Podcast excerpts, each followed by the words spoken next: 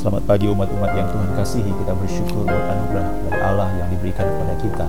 Ada waktu bagi kita untuk bersama-sama Renungkan firman Tuhan. Ibrani pasal yang ke-10 Mari kita akan baca. Mulai ayat yang ke-32 Pembacaan ini adalah ayat yang kemarin Tetapi kita akan melanjutkan tahapan yang sedang Alkitab bicarakan dalam Ibrani pasal 10 ayat 32 Sampai ayat yang ke-39 Ibrani pasal 10 ayat 32 sampai ayat yang ke-39 demikianlah firman Allah Ingatlah, Ingatlah akan masa yang lalu. sesudah kamu menerima terang. Kamu banyak menderita oleh karena kamu bertahan dalam perjuangan yang berat. Baik waktu kamu dijadikan tontonan oleh cercaan dan penderitaan, maupun waktu kamu mengambil bagian dalam penderitaan mereka yang diperlakukan sedemikian. Memang kamu telah turut mengambil bagian dalam penderitaan orang-orang hukuman, dan ketika harta kamu dirampas, kamu menerima hal itu dengan sukacita sebab kamu tahu bahwa kamu memiliki harta yang lebih baik dan yang lebih menetap sifatnya. Sebab itu janganlah kamu melepaskan kepercayaanmu, karena besar upah yang menantinya. Sebab kamu memerlukan ketekunan, supaya sesudah kamu melakukan kehendak Allah, kamu memperoleh apa yang dijanjikan itu. Sebab sedikit, bahkan sangat sedikit waktu lagi, dan ia yang akan datang sudah akan ada tanpa menangguhkan kedatangannya. Tetapi orangku yang benar akan hidup oleh iman dan apabila ia mengundurkan diri, maka aku tidak berkenan kepadanya. Tetapi kita bukanlah orang-orang yang mengundurkan diri dan binasa, tetapi orang-orang yang percaya dan yang beroleh hidup. hidup. Sampai di sini pembacaan kitab suci. Teman-teman yang dikasih Tuhan, kita melihat ada begitu banyak hal-hal yang Tuhan boleh sediakan bagi orang-orang yang sudah menerima terang. Dan itu merupakan suatu hal yang lebih baik yang menetap sifatnya dan kita bersyukur kepada Allah ini merupakan suatu jaminan yang diberikan. Dan memang demikianlah pada waktu orang-orang Ibrani itu menghadapi penderitaan. Kamu bertahan. Orang-orang itu mengelewati perjuangan berat mereka bertahan. Jadi ada suatu hal yang kita perlu ingat senantiasa. Tuhan tidak pernah meninggalkan kita lewat pergumulan kita lewat kesulitan kita. Tidak pernah dia meninggalkan kita. Dia bersama-sama dengan kita karena keselamatan yang diberikan itu nyata, saudara. Dan memang ini merupakan hal yang diberikan oleh Allah dan Alkitab mengatakan sebenarnya bukan hanya bagi orang-orang yang diselamatkan saja, tetapi bagi semua orang. Allah itu penuh dengan rahmat dan kemurahan. Apakah lagi bagi orang yang sudah diselamatkan? Itu sebabnya Alkitab mengatakan bagaimana dia tidak memberikan kepada kita perhatian yang sungguh, bagaimana dia tidak memberikan kepada kita sesuatu hal yang besar sedangkan anaknya sendiri telah dikaruniakan kepada kita. Jadi betapa kita bersyukur kepada Tuhan bahwa di tengah-tengah segala macam kesulitan-kesulitan, di tengah begitu banyak kesusahan-kesusahan, maka kita melihat penghiburan, kasih setia, dan apa yang Allah kerjakan itu sebenarnya adalah nyata. Nah, pada waktu orang Ibrani mengalami kesulitan, waktu mereka mengalami penganiayaan, waktu mereka mengalami hal-hal yang tidak mudah, waktu mereka melewati hal-hal yang berat, Alkitab mengatakan bahwa kamu ingatlah pada waktu itu kamu sudah melampauinya. Bukankah bersyukur untuk semua itu? Kamu turut mengambil bagian dalam penderitaan orang-orang hukuman. Bahkan kalau kita baca dalam ayat yang ke-34, ada suatu keadaan yang saya pikir mungkin kita tidak siap atau tidak berani dengan keadaan seperti ini, saudara-saudara. Ketika harta kamu dirampas, Siapa yang tahan ya ketika harta kamu dirampas? Kamu menerima hal itu dengan sukacita. Wah, ini punya sesuatu iman yang besar sekali. Tetapi kembali lagi bagaimana orang-orang percaya diberikan Tuhan kekuatan extraordinary strength suatu kekuatan yang luar biasa ya yang mungkin kita tidak pernah pikirkan nanti baru dialami baru kita pikir ya kok bisa ya nah itulah kekuatan daripada Allah kekuatan daripada Tuhan Firman Allah mengatakan dalam surat Petrus bahwa kita dipelihara dalam kekuatan Allah loh. Nah, kekuatan ini adalah kekuatan orang-orang diselamatkan. Kekuatan ini adalah orang-orang kekuatan orang-orang pilihan. Ya, Tuhan memang bekerja memberi kekuatan bagi semua. Betul sekali, anugerah umum. Anugerah umum. Orang-orang yang tidak mengenal Allah pun diberikan kemampuan dari Tuhan untuk melewati pencobaan, untuk melewati kesulitan, untuk melewati pahitnya hidup.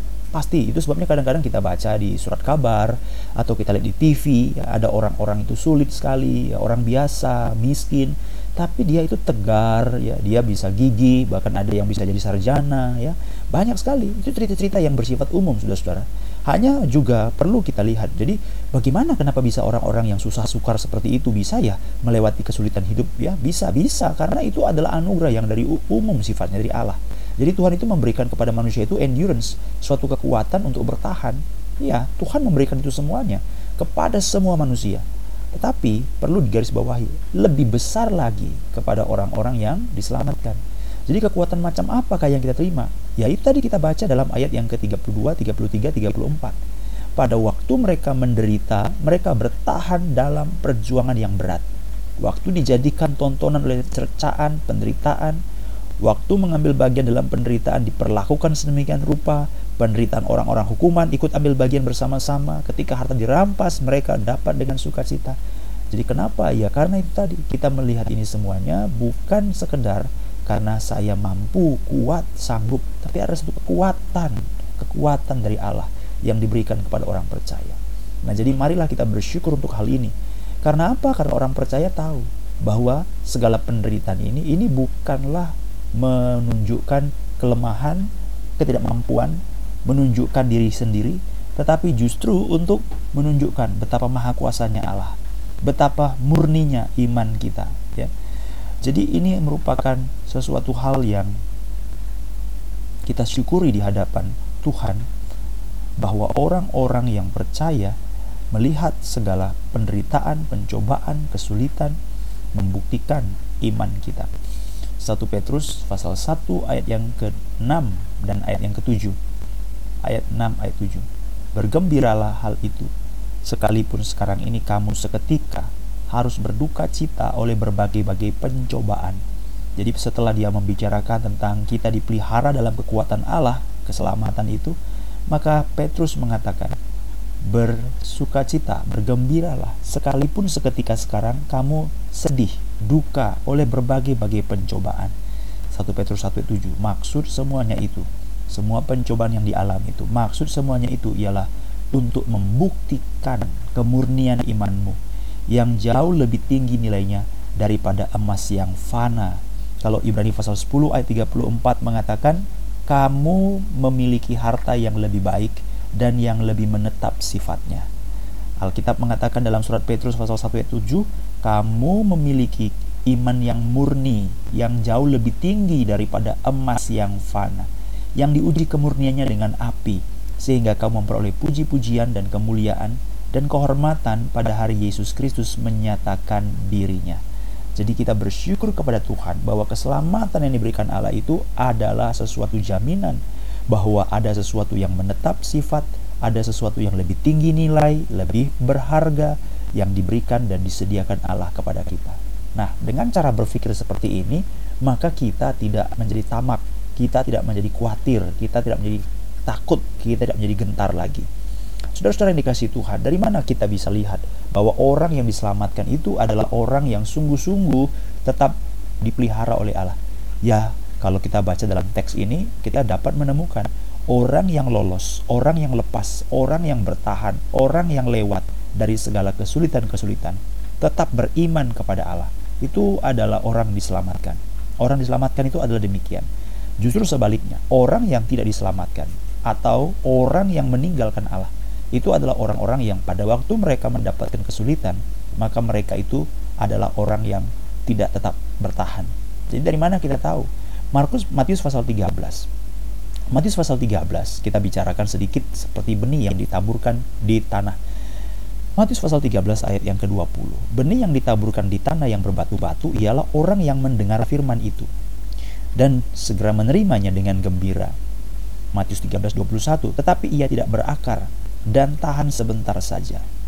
Kalimat ini dilanjutkan saudara-saudara apabila datang penindasan jadi ada penganiayaan, ada pencobaan, ada penderitaan apabila datang penindasan ataupun penganiayaan karena firman itu. Karena firman itu, orang itu pun segera murtad. Jadi kenapa dia murtad? Karena memang dia bukanlah orang yang diselamatkan.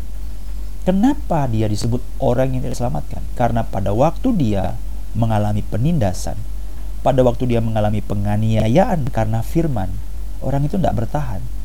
Jadi saudara harus lihat kekuatan keselamatan itu adalah kekuatan kita untuk melewati penindasan ataupun penganiayaan.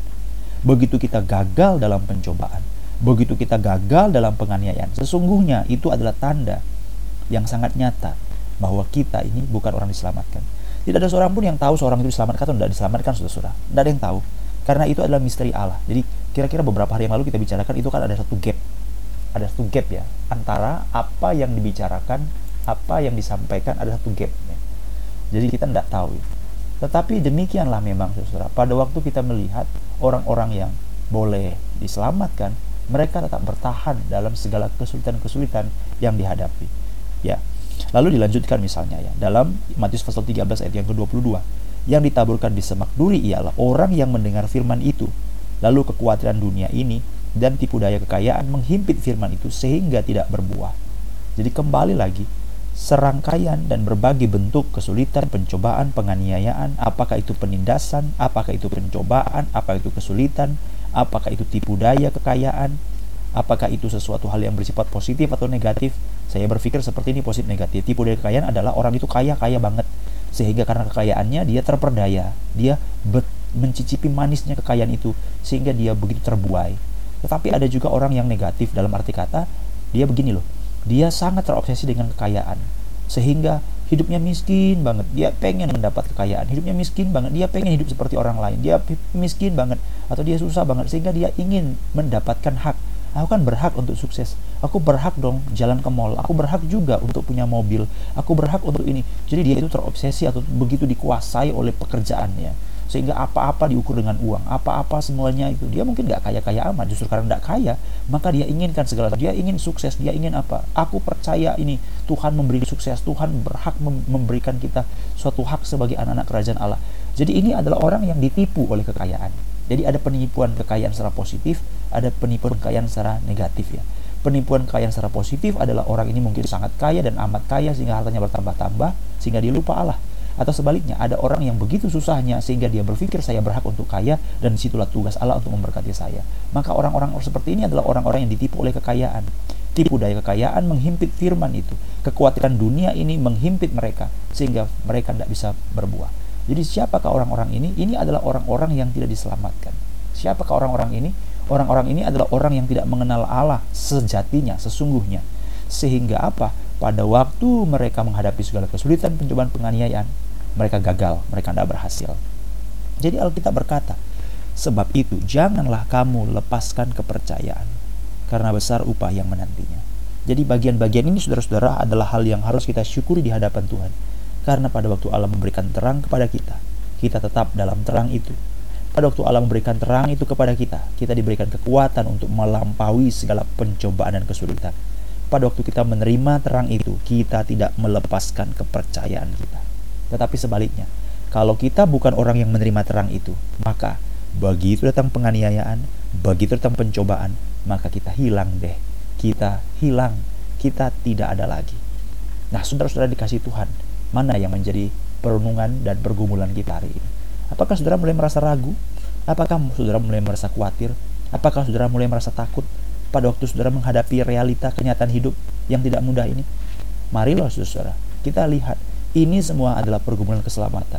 Ya, tidak ada satu peristiwa yang terjadi dengan kebetulan atau kita percaya bahwa segala sesuatu bukan dalam kehendak dan rancangan manusia. Ada manusia sudah rancang ini itu buat ini perkirakan ini itu nanti akan begini nanti akan begitu. Aku siapkan dalam jangka waktu 10 yang tahu apa bulan yang akan datang akan terjadi seperti ini, aku akan buat seperti ini. Tapi semuanya buyar Saudara. Kenapa? Jangan Saudara pikir bahwa ini semuanya adalah suatu perkara yang kebetulan, tidak. Saya melihat bahwa orang-orang yang dikasih Allah justru hidup mereka itu digoncangkan oleh Tuhan supaya mereka tidak hidup berdasarkan rencangan dan rencana mereka sendiri. Tetapi sebaliknya, orang-orang yang memang dibuang oleh Tuhan, mereka adalah orang-orang yang dibiarkan Allah untuk jalan dalam rancangan mereka sendiri. Ya, demikian adanya. Jadi kalau saudara berada pada satu posisi di mana engkau sudah merancangkan segala sesuatu, tetapi yang kau rancangkan itu seperti tidak terjadi sebagai kenyataan, maka harusnya engkau bersyukur, engkau berbahagia.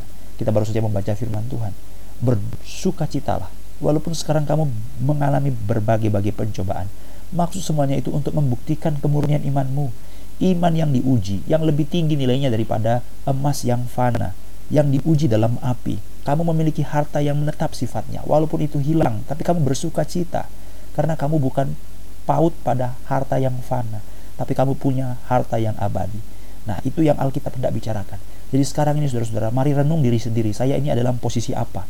Karena jika saya adalah orang yang tetap berada dalam iman, jika saya adalah orang yang tetap menaruh pengharapan pada Allah, walaupun situasi hidup penuh dengan gejolak dan perubahan, tidak seperti yang saya bayangkan yang terjadi. Tetapi kita tetap paut pada Tuhan, mata pada Kristus, taat pada Allah, mau jalankan firman-Nya. Kita adalah orang-orang yang diselamatkan. Kita adalah orang-orang yang dalam terang. Tetapi sebaliknya, pada waktu kita mulai, misalnya, mengurangi kebaktian kita, kita tidak kebaktian lagi. Tidak baca firman Tuhan.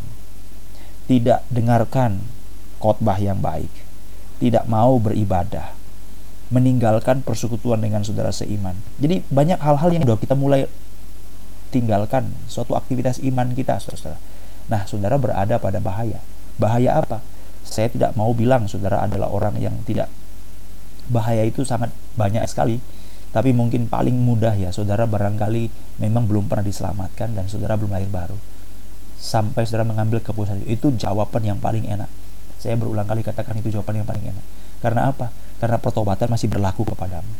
Kalau engkau sadar bahwa engkau telah meninggalkan persekutuan dengan Allah, kamu tidak beribadah kepada Tuhan, tidak menghargai hari Tuhan, tidak menghargai firman Allah, tidak membaca kitab suci, tidak mendengarkan firman Tuhan yang baik, tidak memikirkan pertumbuhan rohani, tidak peduli untuk mentaat jalan firman Allah.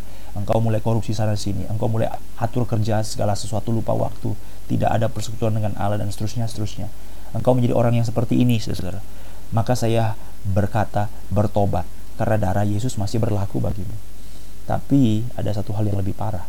Kalau misalnya engkau adalah orang yang mengatakan aku sudah diselamatkan kok, tapi kenapa bisa engkau jatuh seperti itu?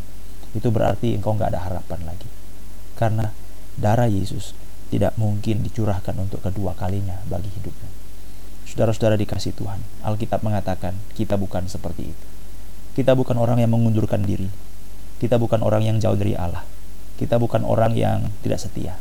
Alkitab mengatakan 35, jangan kamu lepaskan kepercayaanmu, karena besar upah yang menantinya. Jadi ini merupakan pembagian dari dua cara, dua tipe manusia Orang yang diselamatkan, dia akan tetap bertahan melalui pencobaan. Orang yang diselamatkan, dia tidak akan melepaskan kepercayaan. Ayat 35 Saudara bandingkan dengan ayat yang ke-39. Seolah-olah di sini ada bertentangan ya. 35 katakannya kan sebab jangan kamu lepaskan kepercayaan. Tetapi 39 katakan kita bukanlah orang yang mengundurkan diri dan binasa. Atau kalau kita seiramakan katanya ya. Ayat 35 Jangan kamu lepaskan kepercayaan. Ayat 39. Tetapi kita bukanlah orang-orang yang melepaskan kepercayaan. Atau ayat 35. Janganlah kamu mengundurkan diri. Ayat 39. Tetapi kita bukanlah orang-orang yang mengundurkan diri. Seolah-olah bertentangan ya. Ini seperti harapan dan satu kenyataan ya. Ya kan? Ini sebenarnya tidak bertentangan. Karena memang orang yang diselamatkan terlihat dari mana? Keberhasilan mereka melewati pencobaan. Kalau orang itu gagal dengan pencobaan, pilihannya itu berarti dia belum diselamatkan karena dia berasal dari si iblis atau dia adalah orang yang tidak diselamatkan. Karena apa? Karena kalau dia belum diselamatkan, darah Yesus masih berlaku. Tapi orang tidak diselamatkan, darah Yesus tidak berlaku, orang ini tidak ada harapan. Tetapi orang diselamatkan, dia tidak mungkin gagal dalam pencobaan. Dia pasti berhasil melewati pencobaan. Itulah jaminan yang disebut dengan jaminan keselamatan daripada Allah. Makanya Ingatlah pada masa yang lalu. Waktu kamu menerima terang, kamu banyak menderita. Kamu bertahan loh dalam perjuangan berat. Kenapa dia bertahan? Karena diselamatkan. Ayat 34. Baik waktu kamu dijadikan tontonan oleh cercaan dan penderitaan, maupun waktu kamu mengambil bagian dalam penderitaan yang diperlukan demikian. Memang kamu turut mengambil bagian penderitaan orang hukuman. Ketika harta kamu dirampas, kamu menerima hal itu dengan sukacita. Kenapa harta dirampas? Dijadikan tontonan cercaan, bisa bersukacita karena dia orang diselamatkan. Jadi hari ini saudara pegang firman Tuhan. So, apakah saudara bisa lewat berhasil melampaui segala kesulitan hidupmu? Apa engkau putus asa? Apa engkau penuh dengan kesulitan? Makan gula rasanya pahit sekali, seperti suatu keadaan dunia mau kiamat. Apa kita alami seperti itu? Bahaya sedang menanti. Tapi kalau kita melewati segala sesuatu, kesulitan, penderitaan, kepahitan, duka cita dalam hidup, kehilangan, kemalangan, tapi kita tetap melihat bahwa semuanya ini adalah bagian yang membuat aku tak bertahan dalam Tuhan. Saudara adalah orang yang diberikan tanda-tanda bahwa engkau adalah orang yang diselamatkan. Mari kita bersyukur untuk semua jaminan yang diberikan oleh Allah.